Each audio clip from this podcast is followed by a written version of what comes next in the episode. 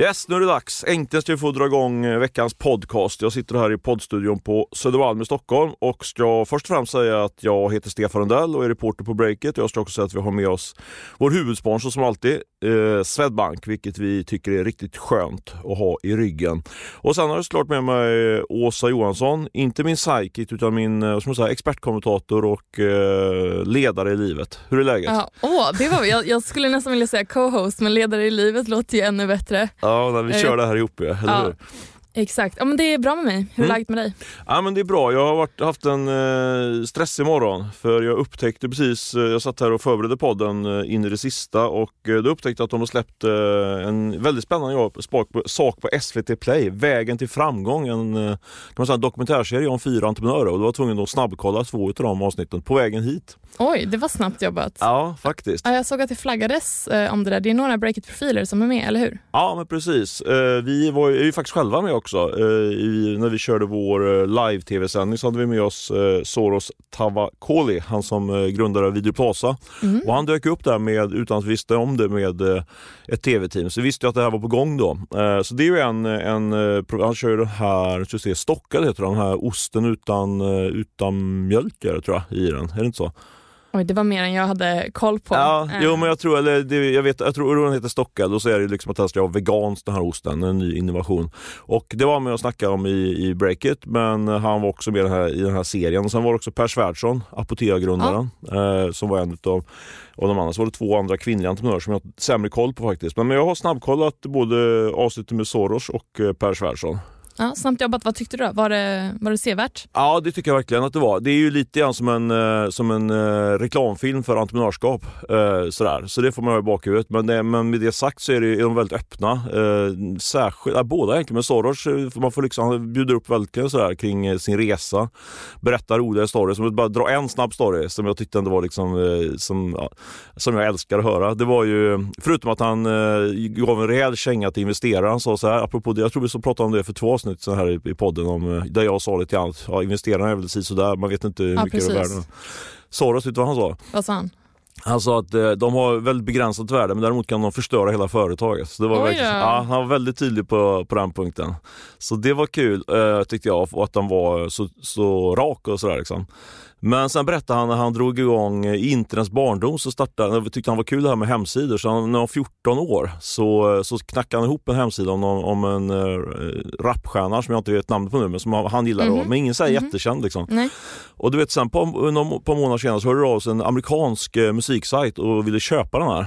För gissa vad? Tänkte att det var, det var ju typ vadå, 20 år sedan här och han var 14 år. Jättesvår fråga men då var det var, Oj, eh, jag och det var bara liksom en basic sajt liksom. Det har inte eh, spelat mycket. Ett amerikanskt bolag var det. Ja. De ville ge eh, 50 miljoner.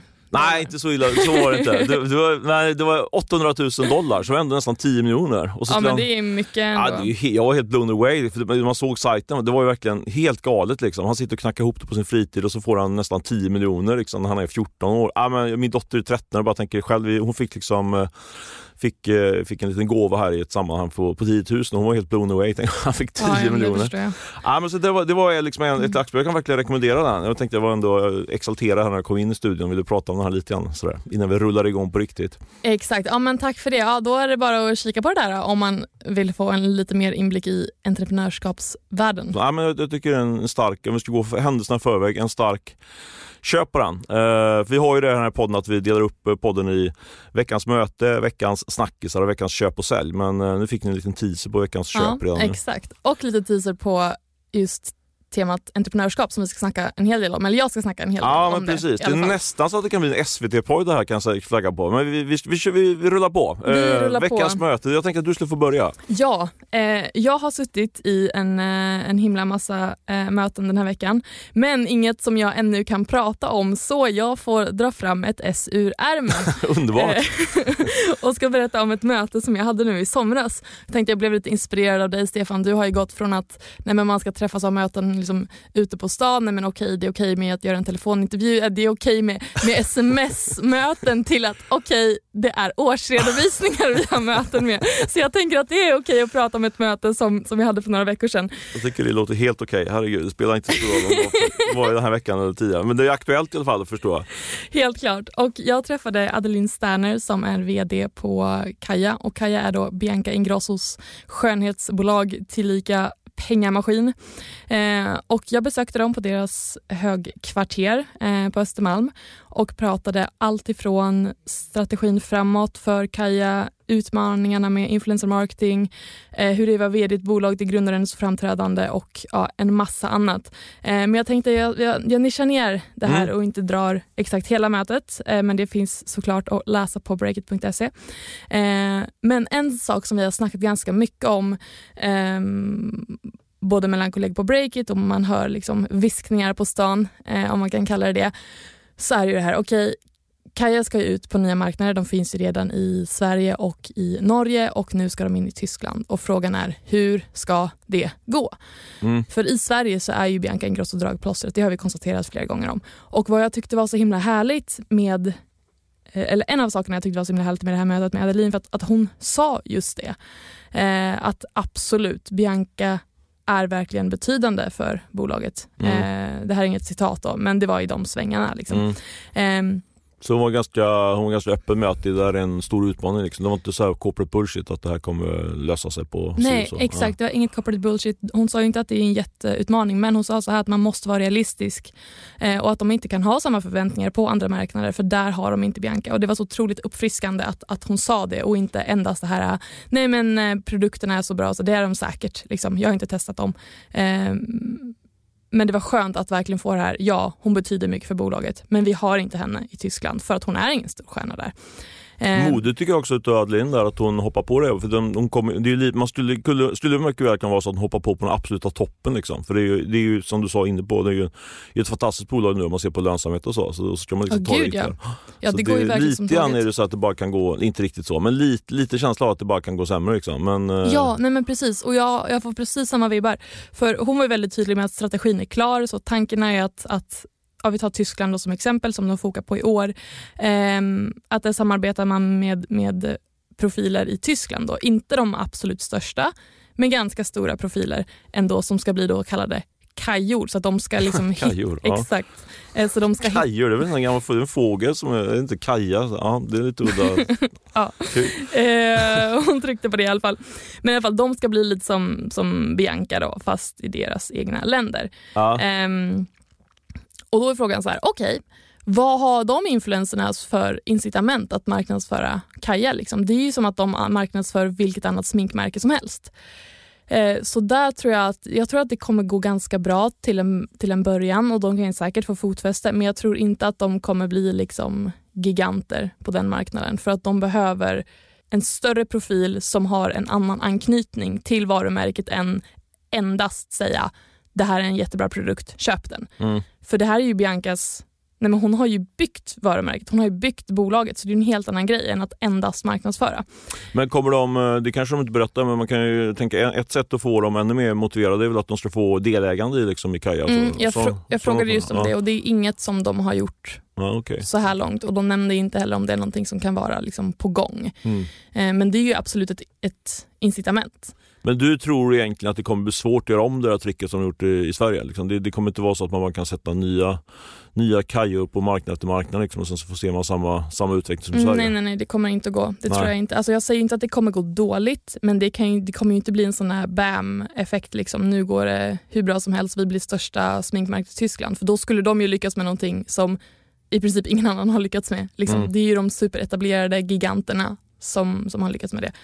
Eh, så att, eh, men jag tycker helt klart att det, att det är värt att hålla utkik på det. För samtidigt, så i somras då, så var det ju flera eh, stora influencers som flaggade för att det, nej men nu, nu är det förändliga tider, det är oroliga tider, inte minst i Sverige, eh, för just influencers eh, på grund av att nej men de såg ett sjunkande engagemang helt enkelt. Mm. Eh, på sociala på, medier. På Instagram? Eller ja, precis. På Instagram och Youtube. Att det ger liksom inte samma genomslag som tidigare. Eh, och skurken i dramat då, vad som ligger bakom det här, jo det är till stor del TikTok. TikTok absolut, Exakt. Som till och med jag har börjat Eh. använda nu. Är det sant? Ja. Det var det sjukaste jag hört. Nej, men det är så här konkurrens, vad säger man, omvärldsanalys. Ja absolut, det gäller att hålla koll. Eh, men i alla fall TikTok lockar ju då ganska många yngre. Och i Kajas fall då som Madeleine berättade också att ja, nej, men det finns ju helt klart risk att man missar att nå ut till den yngre generationen om man inte får lika stort genomslag på TikTok som på Instagram. Mm. För på Instagram där de marknadsför sig väldigt mycket, där når de de så kallade äldre kunderna. Men de äldre kunderna det är ju millennials, det är ju liksom ja, men Mm. ish 30-åringar så att de inte... Ja, Gamla stofiler. Exakt. eh, så att just det här att, att gå ut med en, en marknadsföringsstrategi som hänger mycket på influencers på nya marknader, det är, eh, det, det är lite svajigt men det, det är väldigt spännande också. Mm. För samtidigt sociala medier och influencermarketing det förändras så otroligt snabbt, särskilt nu. Och Stanley sa också det att nej det, som, det som hände förra året, det, det händer inte idag. Och, och det är viktigt att ha örat mot rälsen och vara flexibel och förstå vad konsumenterna är ute efter och hur man når dem. För det, det, det förändras så, så otroligt snabbt. Exempel då. Mm. Ehm, de har, Kaja då, har haft en treårsplan för Instagram men nu är det så här, okej behöver vi skrota den här planen? Och tre år, det är ändå inte så himla lång tid. Nej men jag tycker ändå det låter väldigt långt just för, just för, för sociala medier. Liksom, att det, det ändras, det kommer nya saker hela tiden. Liksom, sådär. Så det, är ju, ja, det tycker jag låter... Ja, visst är det så. Men klart, de reviderar den hela tiden och gör väl kanske kortare, mer taktiska planer och sådär. Mm. Men tre år verkar ju helt omöjligt att veta hur det ska vara om tre år. Ja absolut, Nej, men då kan det ha dykt upp någon sociala medier som vi inte ens har koll på idag. Men då är det samtidigt här att det är ju verkligen intressant att det är ett sånt fenomen att det är så många bolag som liksom förlita sig på marknadsföring på sociala medier fast det är så svajigt. Mm, är väl precis. helt rätt ord att använda tycker jag. Nej men det är väl lite grann om man ser på, på breaket. Vi har ju, får ju väldigt stor del av vår trafik från Facebook liksom. Mm. och det ju, känns ju inte alls bra. Vi hade ju en nedgång här i våras en gång, eh, tag. Eh, när det var, och det var ju helt kopplat till att vi hade för dålig fart på Facebook. Ja. Visste inte vad har det hänt något med algoritmen. Helt Mm. plötsligt så tog det fart jättemycket under sommaren. Så det är ju någonting som man som entreprenör vill driva sig bort från. Man vill bli så, mindre, så lite beroende så, som möjligt från dem. Men de, det här är ju på en ytterligare nivå för de har ju alltså en försäljningskanal via sociala medier. Så det, är- ja, det, är, det är shaky måste man säga. Ja, nej, men det är väldigt shaky och eh, Men ändå inte, ja, ja spännande att följa helt enkelt. Men du, bra möte. Jag hade, jag hade um, apropå Adeline Sterner, så fick Ja. jag, om vi ska rulla vidare på mitt möte så ja, kör. så, ehm, så har jag en, ty- för jag har en väldigt tydlig radioövergång här till, till mitt möte. För det var nämligen Adeline Sterner som eh, kopplade ihop mig med en kvinna som heter Linnea Korn, Kornhed. Snygg övergång. Ja men visst är det. Hon tyckte att jag och Linnea skulle ta en eh, fika eller lunch. Så det gjorde vi igår faktiskt. Mhm. Så nu har jag faktiskt varit ute i verkligheten, varit på Wow. ett nytt kontor. Vilken upgrade från Ja, möten med årsredovisning. Sorry, jag ska släppa det där nu. Nej, men det får du inte göra. Det, det är bra. Hugg där lite grann. Ja, men Linnea hon har ju varit med och grundat eh, eh, ett bolag som heter Einride. Eh, som jag faktiskt dissade rätt rejält. Jag vet inte om du minns det. Det var väl i våras tror jag. Kommer ihåg, vi pratar så mycket här. Nej, så du det... dissar en hel del så jag... ja, men de, de eh, håller ju på, de gör ju kan man säga, någon form av eh, operativsystem eller mjukvarulösning för, för eh, när man ska göra elektriska transporter med lastbilar. ja, just det. Eh, riktigt håsat bolag. Jag, var, jag gick väl inte så mycket in på, på bolag som så, eller verksamhet som så, utan som vanligt i den här podden så kan man ju titta, titta ganska mycket på dels verksamhet men sen tittar vi på en annan gren som är värderingen. Mm. Och värderingen kallar jag, jag gick tillbaka, för så, jag kommer inte ihåg riktigt, jag, på, för jag påminner mig själv i mötet där att ja, just det, jag sågar er. På, så jag kommer inte på riktigt vad det var för något. Men det var att jag sa att eh, värderingen var citat sinnessjuk. Så det var ganska hårda ord för att komma, Kommer, från kommer du ihåg vad det var för siffror? då? Uh, ja, jag gick tillbaka så snabbt. Just det var, de, de plockade in, eh, de, just det så var det, uh, ish var det att de, de tog in eh, till värdering från så etablerade finansiärer Mm. förra sommaren på 3 miljarder. Och eh, nu då när vi pratade så var Mm. värderingen 13 miljarder i den så kallade Oj. gråhandeln. Ja. Och då pratar vi om ett bolag som omsatte jag kommer inte ihåg exakt nu, typ 25-50 miljoner och gjorde en Mm, förlust på mm. typ 150 miljoner. Mm, Det är ganska saftigt. mm, absolut. Men med det sagt, som vanligt när Stefan och där är ute och träffar entreprenörer så blir jag, så, så, så blir jag alltid helt eh, såld på, på deras idé. Och jag tyckte Linnea sålde in verkligen eh, Enride på ett riktigt bra sätt. Så jag, jag tycker att de är någonting stort på spåren här faktiskt. Och eh, Eh, framförallt då själva verksamheten. Värderingen tror jag fortfarande är, väldigt ansträngd men, men eh, jag, tänkte inte gå in, för det var en annan grej jag tänkte plocka upp det här bara superkort så handlar det ju helt enkelt om att de går in och hjälper eh, allt från Stadium till stora eh, transportgäster som Maersk och de här liksom. Ja. När de säger så, okej nu ska vi göra våra, våra transporter, eh, elektrifiera våra transporter. Mm. Då går du in och hjälper dem med, med eh, mjukvarusystem för att optimera dem där. Jag kan prata nästan en hel podd om det. Men det, Aha, det, okej, så att det är inte mjukvarusystem för själva alltså lastbilen i sig utan det är för allt vad logistik heter kring Ja det. precis, som ja. ska lastbilen köra dit eller dit och när måste man ladda på den. Och så. Det finns otroligt eh, stora vinster med det där. Bara en enda datapunkt som jag tycker är kul. Så här, eh, det här med själv, självkörande lastbilar som man pratar om. Vad, vad är stora vinster med det? Då tänker man direkt att inte, man inte behöver någon personal, alltså någon Mm, som kör. mm. Men en annan grej som jag tycker var roligt det var att eh, du vet den hytten i, i lastbilen eh, där, där föraren sitter. Den ska ju vara lite nice. Där. De har ju tv och liksom, de sover ju där. Och det, det är ganska Mm, mycket mm. så här fringisar i den här, eller, fring, eller eh, vad säger man, lullull i, i den där lastbilen. Det förstår man ju, för de ju, det är ju deras arbetsplats. Eh, Men det där kan man ju ta bort. Så jag tror att de sa att det var ungefär 40 eller 50 procent av hela kostnaden för lastbilen låg i hytten. Och den kan man ju fimpa då om det, om det sitter någon i hytten så att säga. Så det var en väldigt stor kostnadsbesparing bara där. Det, var, det tyckte jag var lite en Ja, det var Kul väldigt grej, mycket. Ja. Ehm, Eh, Så där ser man att det finns potential på alla möjliga sätt eh, och kanter. Men jag, men jag tänkte koppla det som Linnea och jag pratar ganska mycket om, eh, som du, du jag också snackat en del av, eh, som tangerar det liksom det här eh, man kan säga manligt och kvinnligt i techvärlden. Mm. Eh, Och hon hade ju en, eh, skulle jag säga, liksom en ganska häpnadsväckande upplevelse när de var ute och sökte kapital för några år sedan eh, till, till Einride. Eh, Då var det hon och hennes man då, som, hon, som hon driver företaget ihop med. Eh, Han är VD och hon är marknadschef. Eh, och så finns det ytterligare en medgrundare.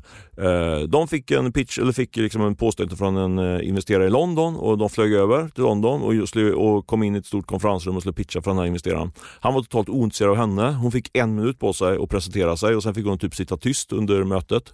Och sen flög de hem och sen dagen efter så fick de eh, feedback från den här investeraren som var en Mm, stor och fin mm, investerare eh, och sa liksom att mm, ett tips liksom, det är nog att hon inte ska vara med sig i, i grundarteamet. Varför då? Ah, hon, han hade på, den, eh, på det mötet dragit slutsatsen att hon var inte rätt person. Liksom. Och Då hade, hon, hade han liksom ignorerat henne och hon hade liksom bara fått en minut på sig att pitcha. Och Det där tog ju Linnea väldigt hårt, men hon var ganska kall också. För hon, hon, då tittade hon så här på eh, fakta, faktamålet är ju att eh, kvinnliga eh, team får ungefär 1% utav riskkapitalet Mm, och blandade team får typ 7-8%. mm, Och då sa Linnea så här, liksom, till sina, sina två medgrundare, varav den ena var hennes man, då, liksom, att ja, men det är kanske bättre optimalt. Det är inte optimalt att jag är, står som grundare. Jag fortsätter jobba det men jag, men jag går ur grundarteamet liksom, bara för att liksom, maxa sitt, eh, möjligheten att få in kapital. Nu sa ju hennes man och den Ja. liksom, absolut inte, Nej, du, nej, du är en idiot. Liksom, Ja. sådär, liksom. Men det var ändå fast, det, var liksom, det, var, det tog tag i med den historien. Dels att, att det är så sjukt, liksom, eh, fortfarande är så sjukt, i, eh, sjukt kan man säga, i investerarkommuniteten. Då, liksom. Och det andra liksom, att hon ändå ti- var värd att göra den uppoffringen. Så. Eh, Så förstår jag rätt att, att hon var redo att kliva av grundarteamet för att bolaget skulle ha större chans att få in kapital, Ja, och den precis. Hon, liksom, hon liksom tar, tar en för laget på något sätt. Liksom. Och, och hon skulle fortfarande jobba, men liksom, om det nu är så att, vi, att investerarna är så inskränkta och vi kräver det här, så då är jag beredd att göra det här. Liksom. Så det var ja, en jäkla uppoffring. Men var det Liksom. bara för att hon var kvinna? Ja, det skulle jag säga. Det korta svaret ja. För att det var, liksom, hon, hon var ju superduktig och kompetent, liksom. men eh, de, de liksom tyckte liksom att nej, men, eh, hon passade inte riktigt in. Liksom. De, de sa, jag, vet, jag vet inte exakt hur formuleringen var, men det var liksom så man absolut, tolkningen var blev absolut så. Alltså jag blir mörkrädd av att höra sånt här. Det här känns ju som att... När, när hände det här? När var det här Ja, det var bara några år sedan och eh, hon berättade att hon fortfarande kunde känna det i, eh, i vissa investerarmöten. Att, eh, du vet att eh, de inte tog henne i hand när de kom in. Jag bara, Va? Ja, jag vet. Jag precis så sa. Vad, vad är det här för något? Liksom? Och att eh, du vet att hon var typ inte hade nästan någon stol på mötet. Liksom. Du kan sitta där borta och, så, och, och sen att de bara tittar på mannen i mötet. Sådär. Absolut inte alla. Hon var ju väldigt tydlig med att hon ty- gillar ju sina investerare. Hon, Mm, Equity mm. Venture, Norson och några andra. Mm. Liksom. Men, men det finns ändå, och de, och de, de här har ju, de har ju tagit in en massa kapital så hon har ju verkligen, hon har verkligen bra insyn. Liksom. Hon har ju tagit in ganska mycket internationellt kapital också. Ja. Men eh, ganska eh, trist och skrämmande ögonblicksskildring av verkligheten just nu. Liksom. Man blir så jäkla förbannad av att höra sånt här. Jag vet inte riktigt ens vad jag ska säga. Hur ska man göra för att det här inte ska hända? Men jag, alltså jag har inte lösningen, men jag har en del av lösningen tror jag. Eller liksom en, något på, en bit på vägen. Så. För vi var inne på det, jag och Linnea, och snackade också om vad, vad är lösningen. Liksom. Då, då sa vi liksom, det som är ganska absurd är att hon är ju liksom eh, grundare utav ett, eh, av ett enhörningsbolag, ish nästan, det beror på hur man räknar ja. Väx, har oerhört spännande teknik. Mm. Eh, och det är ju jättekul eh, kombination av kvinna, hon, hon äh, läser systemvetenskap, kan programmering, liksom utvecklar delen. Hon är marknadsförare och driver, är liksom i en väldigt liksom sådär maskulin bransch, liksom mm. lastbilar och så. Mm. För, från medias sida, så min lösning det är att vi ska lyfta upp henne som förebild mycket mer. För man vill ju se den ja. typen av, för det är så också att man, ja. man, när man bara ser liksom de här handelskillarna, med, vi pratade lite grann om det, liksom, du vet. Absolut. Ja. Uh, och det leder mig också osökt in på alltså, en rätt kul grej med deckarbokar som jag har samarbete med. Ja. För, det är ju ännu mer ovanligt att man, att man är som, som svart eh, muslimsk eh, kvinna eh, lyfts fram liksom, i näringslivet. Liksom, det är väldigt få som gör det. Mm. Hon är faktiskt på omslaget nu på, på ett eh, managementmagasin nu som kommer, kommer i veckan. Så det, det, och då hon lyft, Decca också det mycket. Att hon, ja. Man vill se sån... Det blir väldigt svårt för henne Uh, om man inte ser, sån, ser sig själv så att säga i ja, de här förebilderna, ja. då blir det, kan, kan det verkligen bli jag. Om man bara precis. ser de här handels, vita handelskillarna, då blir det. Så där tror jag vi har ett, ett ansvar som medier och så. Det som är problematiskt med det här också, som vi också är inne på, eh, jag som journalist, jag har jobbat som affärsjournalist typ i 25 år någonting. Mm. Och det ska jag helt ärligt säga att jag, är ganska, jag tycker det är väldigt svårt att få kvinnor, kvinnor att träda fram och säga liksom spetsiga citat och sådär. Det har jag liksom sagt varit frustrerad Men man måste ju inte säga ett spetsigt citat för att prata med en journalist. Helt rätt, men jag menar det blir enklare. Det blir, mer så om det ja, står för journalisten ja. ja. precis. Men då får man ju anstränga sig lite mer. Om ja. man känner att man behöver det. Nej, men, ja, absolut, jag hänger med där. Men här, jag vill bara, bara slutföra resonemanget. Så, tyck, så tyckte jag förut. Liksom, så här, varför, ja, varför, kan man inte få ett bättre citat från, från den kvinnliga entreprenören eller kvinnliga företagsledaren och sådär. Men sen har jag fått, jag har faktiskt vänt i det, för jag har fattat att grejen är att när en, när en kvinna sticker ut hakan i media så är det mycket, mycket tuffare för henne. De får mycket, mycket mer skit jämfört med när en man sticker ut hakan. Mm, så mm. risken är ju, de, man satsar mycket mer som kvinna ja. om man gör det. Liksom. Ja, så det är ju någon form av inneboende eh, strukturell eh, problem där. Liksom. Jag, kan, jag kan ha förståelse för, för kvinnor som inte vill sticka ut hakan. Ja. Det är mycket enklare för mig att sticka ut hakan. Så där, för det ser vi också bland kvinnliga och manliga journalister. Ja. Det är ju stor debatt, alltså att kvinnliga journalister får mycket, mycket mer hat jämfört med manliga journalister. Ja, oh, gud, skojar du? Alltså, minsta lilla så är det ju det haglar ju arga kommentarer. Är det så? Jag, vet, jag är ju nästan helt förskonad för sånt. Jag borde kunna få Är det sant? Ja. Och hur länge hade du jobbat som ekonomijournalist? Ja, jag är så gammal nu, 20, 20 år typ. Jag har jobbat i tre år ja. och det här är ju liksom, alltså, om, om folk är arga och vad ska man säga, jag vill inte säga hatar, men ja. när folk liksom lackar ur för mindre då, säger, ja, men då får de väl göra det för det finns inget man kan göra. Ja. Och det har blivit så vanligt att det är så här, ja man svarar på mejl, man svarar på samtal men det finns inte så mycket mer att göra. Det, är liksom... ja, men det där är, det är verkligen orättvisa. För jag, självklart är det en del som blir irriterad på vad jag säger också. Men inte något, det är inget stort problem för mig. Men, men jag har förstått liksom att absolut, uh, ja, trist att höra helt enkelt. Ja, men alltså, som journalist, jag tänker så att nej, men det får man väl så länge man inte blir hotad så är det ju ingen fara. Liksom, känner jag. Det får ju liksom Ja, du är tuff du. Jag är nog lite vekare. Jag är väldigt glad för att jag inte får för mycket. Jag, jag, jag är nog lite, jag är ganska, inte så hårdhud alltså. Men det, det är bra. Det är nog en bra egenskap. Som ja, men jag har inte alltid varit så här. Det har ju blivit så här, man måste bara. Jag, jag säger så, min, min mormor brukar säga att man ska vara som att, att, att hälla vatten på en gås. Att det bara ska rinna av en. Och det har jag anammat tack vare mormor. Um, ja, det var bra. Men det är bra, bra sägning den sista där. Vi ska, vi ska snart rulla in på vår, eh, våra snackisar. Vi har fått lite respons här från lite olika håll att vi är lite för babbliga här. Vi försöker strama upp det. Ni får gärna ropa till om ni tycker att eh, vi ska fortsätta babbla mycket eller om vi ska strama upp det. Ni kan väl dra ett mail till, till dig då, så, för du får ju all, ja, all, all, allt hat. Ja. asa.breakit.se. Det är bara att mejla. Ni får gärna ringa, hata på mig också, stefanetbreakit.se. Men innan dess så vill jag faktiskt med eh, varm röst och hand eh, presentera vår andra sponsor i den här podden som är ingen mindre än kortbolaget Visa. Och eh, de är med som sponsor tillsammans med, eh, med de har ett, eh, ett stipendium som heter She's Next eh, som då lanseras av Visa för att stödja kvinnligt, kvinnoägda småföretag. Väldigt bra koppling till det vi pratar precis nu. Och meningen är också att man, eller ambitionen är också att bely, belysa, inte belysa, utan belysa den här underfinansieringen som kvinnliga entreprenörer tvingas brottas med då, helt enkelt. Och med She's Next-stipendiet vill Visa främja kvinnligt ledda företag genom finansiellt stöd och professionell rådgivning. Initiativet vänder sig då till kvinnliga småföretagare och erbjuder, erbjuder möjlighet att söka ett stipendium på hela 10 000 euro plus ett års eh, företagscoaching och mentorskap via I found woman som de gör det här initiativet med. Totalt delas tre stipendier ut i Sverige och eh, det finns några saker som måste uppfyllas. Bolaget ska vara registrerat i Sverige och ska ägas till minst 51 procent av, kvin 51 av kvinnor och även ha en fysisk och eller då digital närvaro i Sverige. Eh, är du intresserad av att söka det här, det här eh, stipendiet så ska du googla eh, förslagsvis då på She's Next, alltså She's Next och sen Visa Sverige. Då kommer du komma direkt till, till den här användarsidan.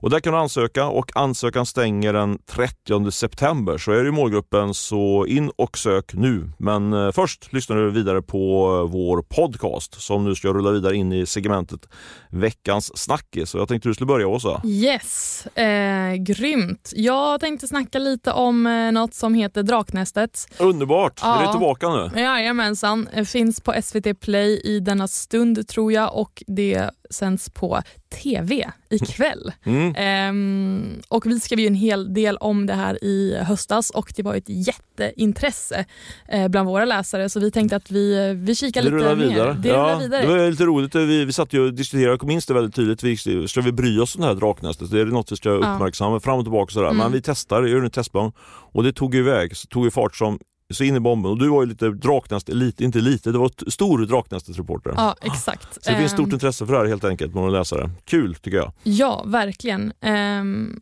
och nu, jag har eh, faktiskt kikat på det första avsnittet redan men jag tänker inte avslöja för mycket. Däremot har jag gjort en intervju med eh, några entreprenörer som är med i kvällens eh, program.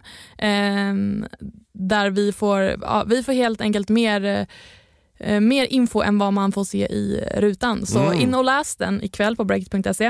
Eh, men vad jag tänker nu är eh, just entreprenörskap som det här programmet handlar om. För det här är ju verkligen Alltså det är ju Sveriges bästa skyltfönster och du får det helt gratis om du är med. Och självklart, det ska ju vara underhållande. Det ska ju vara liksom Nej men det ska ju vara intressant även om man inte bryr sig ett skvatt om entreprenörskap och näringsliv. Och jag tycker att i det första avsnittet så lyckas de ju med det jättebra, verkligen. Mm. Men det blir nästan lite så här, det är ju så romantiserat entreprenörskapet. Jag skulle nästan vilja att man pratar mer om så här, Nej, alltså det har varit så sjukt jobbigt för att det, är så här, det, det verkar så glassigt, man glider in där, ja. man får lite feedback, förhandlar en värdering och sen får man kapital och sen så är allting bra och så lever de lyckliga alla sina dagar. Och det känns så här, nej det händer ju bara några få. Eh, så där tycker jag att, att de kan skärpa till sig lite. Lite mer svarta liksom? Ja precis, men så tänker jag också liksom så här, okay, vad, vad har SVT för agenda med den här showen. För jag har sett att i en artikel från eh, magasinet Forbes eh, som skrev om den amerikanska motsvarigheten av Draknästet som heter Shark Tank. Eh, bara för att få vara med i programmet som entreprenör alltså endast för att få vara med och pitcha, mm. så ska ägarna eller grundarna då gå med på att ge upp till 5% av bolaget eller 2% av framtida royalties. Bara för att få vara med och pitcha. Till, till vem då? Till, till de som gör programmet? Ja, det är så jag har... har... Jaha, intressant. Eller om det, nej, eller om det är till, till entreprenörerna. O, oklart, de ska i alla fall det är några som ska Din få kostnad förenad med att vara med Precis. ja. Men ska sägas eh, att den här eh, artikeln var från 2013 så jag vet inte hur det, hur det ser ut eh, nu.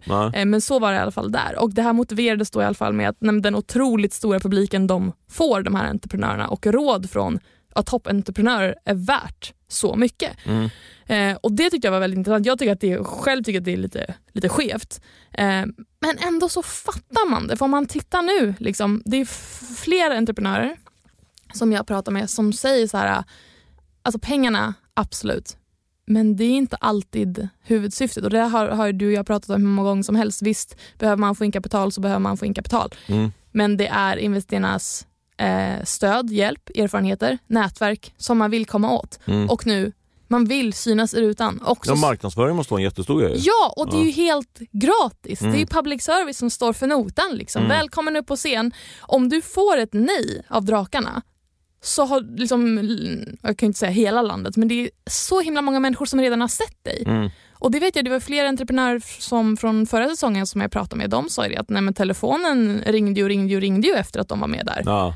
Bara för att... Och den ringer väl dels för, inte minst från andra investerare också. Så Mm, man får liksom... Ja, exakt. Nej, men det är just Men det. har du liksom en eh, lite mer konsumentprodukt också så är det ju, alltså det går ju nästan, det är nästan ovärderligt, eller inte o, men det är värt många miljoner skulle jag säga, att vara med liksom på bästa sändningstid i SVT två, tre minuter och man, är, man blir väldigt så här likeable ofta, liksom. man gillar dem. Liksom. Men jag tänker spontant på, vad heter hon, Sara Saray där på Wellerbites. Liksom, Ja. hon gjorde ett jättebra intryck. Ja. Liksom.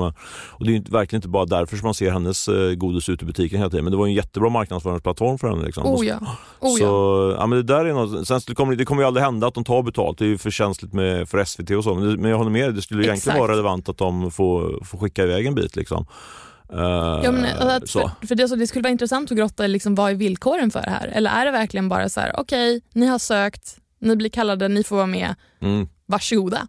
Sen tror jag också en annan grej som man säger, liksom så bakom kulisserna, apropå då Sara Saray där, så hon, hon eh, sa ja till investerarna och sen så kunde vi ju berätta att eh, att eh, hon några månader senare sa att det blev ingen affär utan det var ju Noel Abdayem där på, på, på, på, på vad heter de, Humble eh, Mm. som köpte in sig där Mm. istället. Eh, de var öppna med dem, de gick ut pressris och så, så det var inte så att det var- de barnmörkade det. Men vad jag förstår så är det ganska vanligt att det, det man ser fram, när, det är klar, när dealen är klar framför, framför kameran så på, på, påbörjas ju en så kallad due diligence-process, att man går igenom bolaget Ja, och då händer ju att man exakt. hittar saker i, i bolaget som gör att "Nej, men det här kan vi inte gå vidare med. Så det är inte så att allting som sker framför kameran sen blir verklighet. Liksom. Nej, nej, verkligen inte. Jag, Och det är fair tycker jag, det är inga konstigheter. För jag, menar, jag, jag hörde en podd med Sara Wimmercrantz och då berättade hon just verkligen att det, hur kort tid det är de har på sig för att- spana in de här bolagen. Det är, ju- Du har ju varit med på sändningen så du vet det mycket bättre än mig. Men det, det är klart att om man bara får 30 minuter på sig, best case, och, och lyssna på de här, då måste man göra lite bakgrundsresearch efter de kommer in. Du har ju sagt och krävt snarare i veckan nu att vi ska snacka om elkrisen, Stefan. Mm. Samtidigt så har du inte riktigt exakt landat i vad du vill snacka om, så ja, förklara dig. Ja men absolut, Nej, men jag har känt en stor frustration faktiskt. Vi, vi, på breaket vill man, jag vill ju att breaket alltid ska ligga, ligga rätt liksom, i, Mm. i snack, det som är hetast liksom, på marknaden. Och vi har ju, jag tycker i alla fall att vi har varit lite dåliga på att följa hela den här elkrisen och, liksom, och, och, och rapportera från ett breaket-perspektiv. Eh, Att, att elpriserna kommer tokrusa i vinter och har redan börjat gå, gå upp jättemycket. Eh, Så jag har liksom fart ganska mycket och kanske också att jag blir, blev eh, ganska färgad av att jag i, var i förrgår hade vi möte med, är ordförande i vår bostadsrättsförening och jag gjorde, Oh, satt och räknade igenom alla kostnader inför, inför nästa år och sådär. blir det dyrt? Det blir väldigt dyrt. Kan du gissa, jag vet inte om du hörde det på reaktionen sa, men kan du gissa vad, vad jag föreslog att vi ska höja våra månadsgifter med? Oh, jag har ingen aning. Men du brukar säga att du är ganska snål så att, eh, jag vill inte dra till med för mycket. här. Du får berätta. 25 procent. 25 procent. Det är ganska brutalt faktiskt. Det är liksom... Och hur eh, mottogs det? Ja men eh, med eh, behärskat, behärskat liksom. Jag var nästan lite förvånad, lite grann funderade liksom om folk riktigt verkligen fattar vad det innebär. Liksom. Det är ju nå- hoppas lite grann nästan att inte folk lyssnar, att just de i mitt hus lyssnar på podden, men liksom, så jag ska inte hänga Men liksom ändå, om, rent generellt om man är på väg att sälja en, Mm, en bostad så mm. är det ju lite grann, inte game over, men det sätter sig ju, ja, det är ju, det är ju många hundratusen man förlorar på en sån eh, avgiftshöjning, alltså i, i utbudspris och sådär.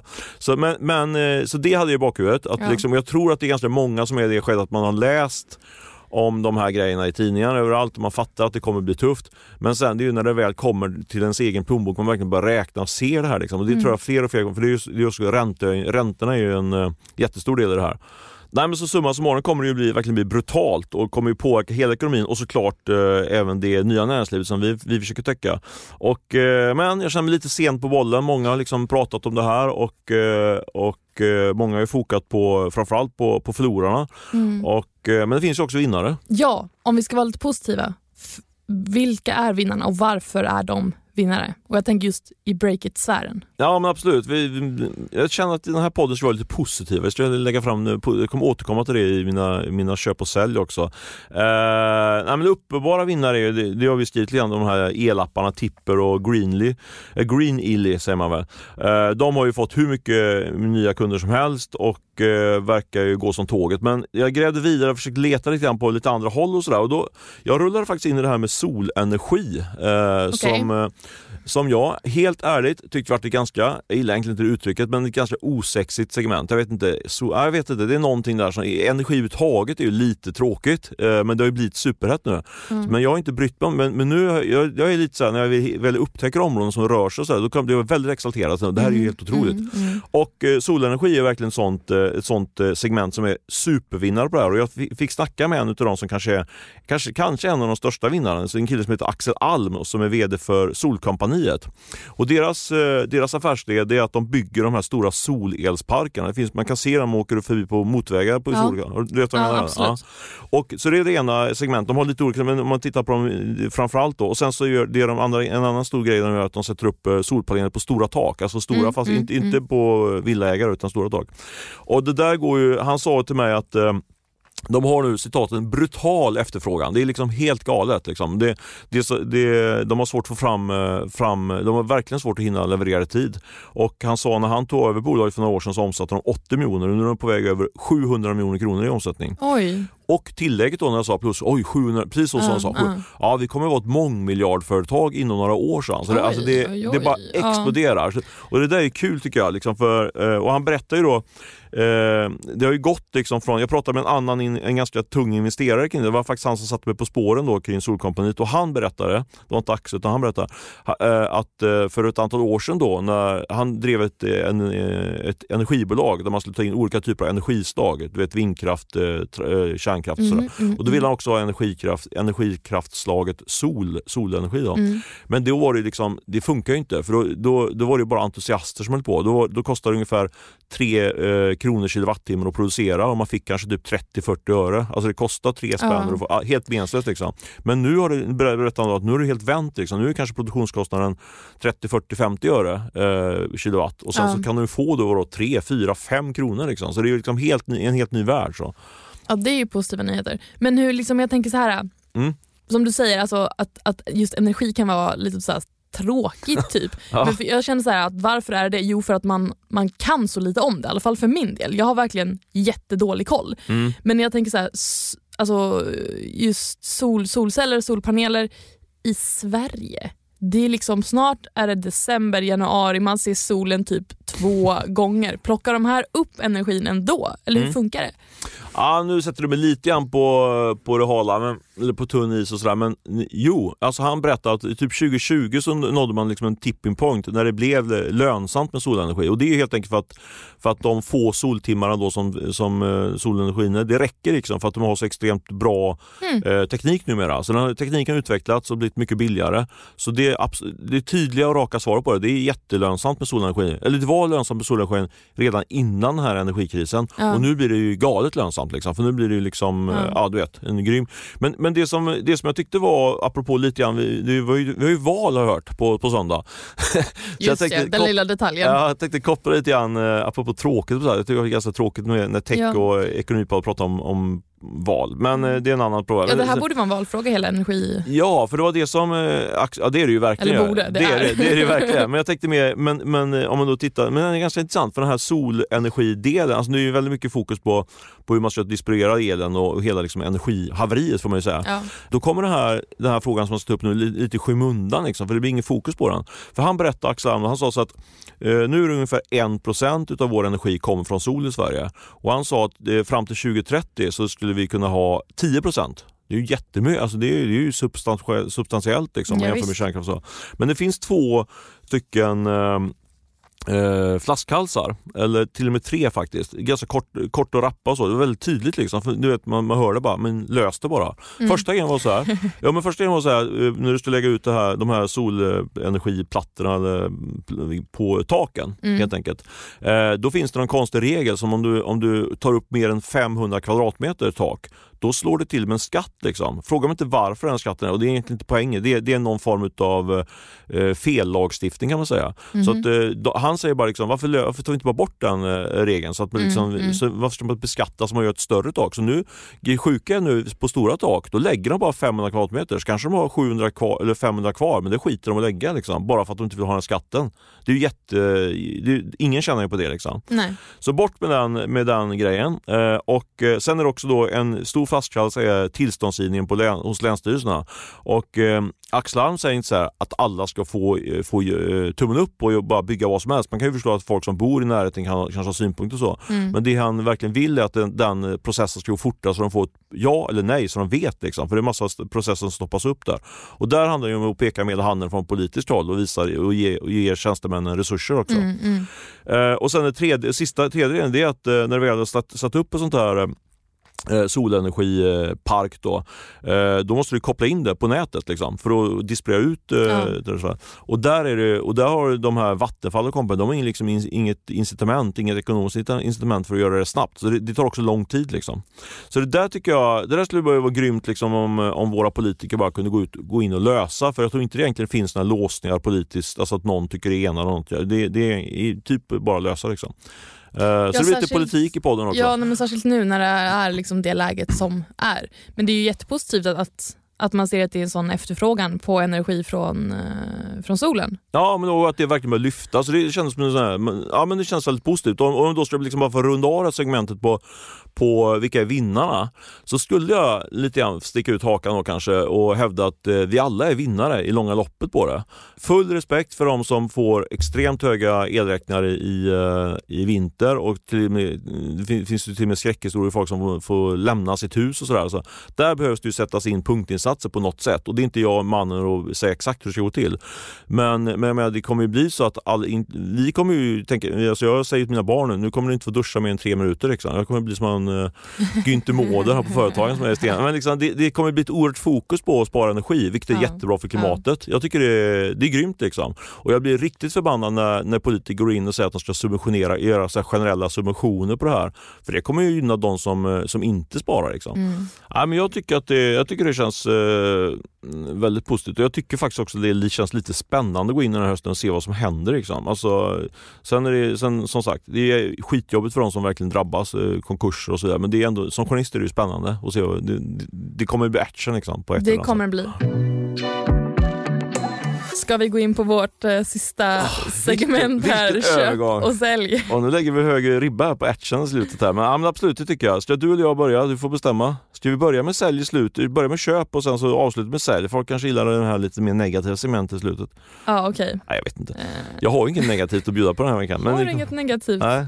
Jag kör, ska jag köra veckans köp? Kör. Jag kör. kör veckans köp på Mauro Scocco, den gamla, det gamla popsnöret. och varför är det ditt köp? Ja, men, Han ditt köp? Ja men absolut. I, i, sent igår kväll så kom ju nyheten att eh, Kobalt, tror jag man säger, de så, håller, på, hjälper, håller på med musikrättigheter och hjälper, hjälper eh, artister att få betalt för sin musik och sådär. Eh, det, det drivs utav, eh, grundats av en svensk som heter Willard Adritz heter han tror. Willard Adritz. Vi har haft ett par intervjuer med honom på breaket. Mm. Och eh, nu kräng, krängs hela Kobalt av då till, eh, till ett amerikanskt riskkapital för ungefär 10 miljarder kronor. Riktigt stor affär. Men det som var lite kul, och här måste jag verkligen cred till eh, Dagens Industri. De var väldigt duktiga på att jaga rätt i aktieboken som låg i, i, på engelska Company of House som heter. Det visar sig att eh, Mauro Scocco äger ungefär 1% av det här bolaget. Mm. Eh, och hans eh, Hans gamla parhäst där, Johan Ekelund, som de ju Ratata på 80-talet. Det var typ innan du var född tror jag va? Jag vet inte ens vad det är för Du vet inte Ratata? Men det är riktigt tungt band. Det får du googla eller köra på Spotify när vi, går, när vi går härifrån. Ja, jag har ju Spotify nu. Ja, du har ju Spotify nu. Ja, precis. Gratisversionen eller? Nej, jag pröjsar faktiskt ja, ja, 109 kronor i månaden. Dan Ek blir glad. Dan Ek som är fittare än någonsin hörde, fick jag reda från, från min källa ute i Djursholm. Eh, nästan otäckt fitt han. Eh, väldigt, väldigt stor parentes bakom det, man var tvungen att säga det. Ja, Daniel Ek tränar ordentligt. Han tränar sjukt mycket. Ja, okay. Eh, Anyway, nog om Daniel Ek. ja. Åter till din köp. Ja men Ratata, ni som är äldre lyssnare, ni, ni känner till Ratata. Så det är lätt, han, Johan Eklund cashar också in. Så de här två då, eh, Mauro Scocco och Johan Eklund, de får var, var, var för sig ungefär 100 miljoner i den här affären. Så det tycker jag verkligen är veckans köp. Och bakgrunden till det är att de då, eh, det här Ratata-duon, de eh, bildat ett skivbolag för ett antal år sedan som sen då köptes utav Kobalt och så fick de aktier och sen nu får de då cash eh, från den här amerikanska köparen. Kul eh, nyhet, eller? Mm, härligt Ja. för dem. Härligt för dem. Absolut. Okej, eh, min veckans köp är eh, en duo som heter Helena Amelie och Emma Philipsson. Ehm, och det här är mitt köp då den här veckan för att då på tal om smink. Ehm, alla människor är ju såklart olika som vi vet och det gäller ju även hud och det har Helena och eh, Emma tagit fasta på för de har ett bolag som heter Minolay, tror jag man uttalar det. Mm. Eh, och de tar fram produkter speciellt riktade mot fet hy. Mhm. Eh, och de eh, plockar in 4,2 miljoner. Eh, där 2 miljoner kommer från Almi Invest och resten från privata investerare. Och nu ska de eh, verkligen få rull på det här är tanken och börja sälja produkterna. Eh, och det här tycker jag är, eh, är superbra, att man ser liksom en, en nisch i sminksegmentet som är gigantiskt. Och, det- Eh. och jag verkar ett, ett, en ganska tydlig datapunkt på att de är något bra på spåren. är att Jag såg det faktiskt igår, allt görs igår kväll och morse, men jag var inne och kollade på, på våra Facebook-poster kring det här. De, den har varit väldigt mycket trafik. Den har blivit Mm, väldigt, mm. väldigt Ja, likad på. det. Jättestor reach på Facebook så att eh, det finns ju nå- och det är ju för att folk är intresserade av att läsa om dem men också förmodligen att eh, de är nyfikna på produkten. Liksom. Så att det ska bli kul att följa. Ja. Det var en rapp veckans köp från mig. Ja. Ska jag ta veckans sälj då? Eh, Sälj det blir, jag har ju flaggat det för typ fem gånger tror jag i podden hittills men nu kommer, nu kommer den stora flaggningen för veckans sälj. Jag har ingen veckans sälj den här gången. Jag, jag känner att jag vill vara lite positiv. Och det är ju Men såklart nu en... sabbar du hela vårt segment Det är här. såklart en dålig ursäkt för att jag inte kom på någon veckans Ja, sälj. Allting är bara bra nu liksom, trots den här elkrisen. Uh, nej, men vi hade ju förra veckan och det blir ju väldigt mycket, det blir, ja, eh, det skaver nästan här att det är så mycket SVT nu, men ni får leva med det. Eh, det Break blir, SVT-podcast. det blir inte SVT bara, utan jag hade ju förra veckan en, en eh, rekommendation, en populärkulturrekommendation. Eh, jag tänker jag rulla vidare på det. Eh, För nu, har jag, nu kommer det i SVT en, en, eh, det här är en rätt dålig koppling till breaket, men Spelskandalen kommer, kommer rulla i SVT från och med måndag som handlar om den här stora spelskandalen som, som Expressen-journalisten Thomas Malmqvist avslöjade i, för, på 90-talet. Jag har sett de två första avsnitten och jag kan verkligen rekommendera den, riktigt bra. Men jag rekommenderar ännu mer faktiskt att ni nu googlar på spelskandalen knäckte min pappa. Citat spelskandalen knäckte min pappa. Det är nämligen Tom Malmqvist då, eh, Thomas Malmqvists eh, son som eh, skrev en riktigt bra bok eh, för några år sedan om, om eh, när hans, hans fru oerhört tragiskt dog i samband med att hans, hans barn föddes. Eh, han, så han, eh, han har skrivit en, om eh, en eh, väldigt berörande eh, inifrånskildring hur det var liksom att vara, vara i den familjen som avslöjade de här, det här spelsyndikatet. Eh, för han fick ju eh, otroligt mycket skit, eh, Thomas Malmqvist, för den här, för den här artikeln. Mm. Ja, men det var, det, jag läste den här artikeln helt enkelt, för det blir den kombon, liksom, läsa artikeln kontra och sen se den här, eh, den här eh, serien tror jag kommer bli en eh, liten upplevelse så jag vill, som jag inte vill eh, undanhålla våra lyssnare i podden. Så Mm, det blir ja. veckans, vadå sälj, köp, något mittemellan. Men rulla vidare på veckans sälj, jag måste skärpa mig nästa vecka och få Ja. någon riktigt hård sälj. Jag lovar det. Faktiskt, det blir två sälj från dig. Ja men det, Det- kan vi säga, vi tar två ja. sälj nästa vecka. Det låter jättebra. Ja, Okej, så att det var alltså allt från eh, Stefan Lundell, kulturjournalist. eh, och jag är faktiskt lite inne på samma spår. Nej, Min ja. sälj är realitystjärnan Kim Kardashian. Okej, För vad har hon på gång nu? Jo, hon ska bli riskkapitalist. är det sant? Jag har missat. Alltså jag vet inte vad det är som händer här men hon ska i alla fall bli riskkapitalist och satsa på lyx och e-handel. Eh, väldigt oklart hur mycket som ska investeras. Ehm, men hon har i alla fall tillsammans med en person som heter Jay eh, Samons, Samons eh, som är tidigare eh, partner på private equity-jätten eh, Carly Group startat ett eget bolag inom riskkapitalistbranschen vid namn Sky Partners tror jag man säger. Det är i alla fall stora bokstäver S-K-K-Y. Sky Två K, det var lite udda. Ja, precis. ja. Sky. Exakt. Ehm, och då som sagt, det är lyx, eh, konsumentprodukter och eh, digital handel som det gäller. Ehm, det är så mycket vi vet nu men jag tycker att det här känns ju väldigt eh, krystat Mhm. egentligen. Var, liksom, var, varför ska hon ge sig in där? Men jag hoppas att det här framöver kommer bli en köp och att det här blir hur bra som helst. Ehm, såklart man vill det, men eh, jag tror inte att så blir fallet. Varför? Nej, är det inte lite dags att dra sig tillbaka för de där? Nej men har det inte, har det inte hypats tillräckligt? Ehm, och det är allt jag tänker säga om det. Ja, det var en liten en, med blandade känslor så vi stänger ner podden här för, för Kim Kardashian. Men ehm, ja men absolut, vi har ju, vi, ska, vi, ja, men vi stänger ner här. Vi har, vi har vår- huvudsponsor som är Swedbank och eh, vi är tillbaka nästa vecka. Har inte du något mer att säga? Nej, jag tycker att vi sätter punkt där så eh, snackar vi igen nästa vecka. Ja, ha det så bra. Hej hej! Ha det så bra!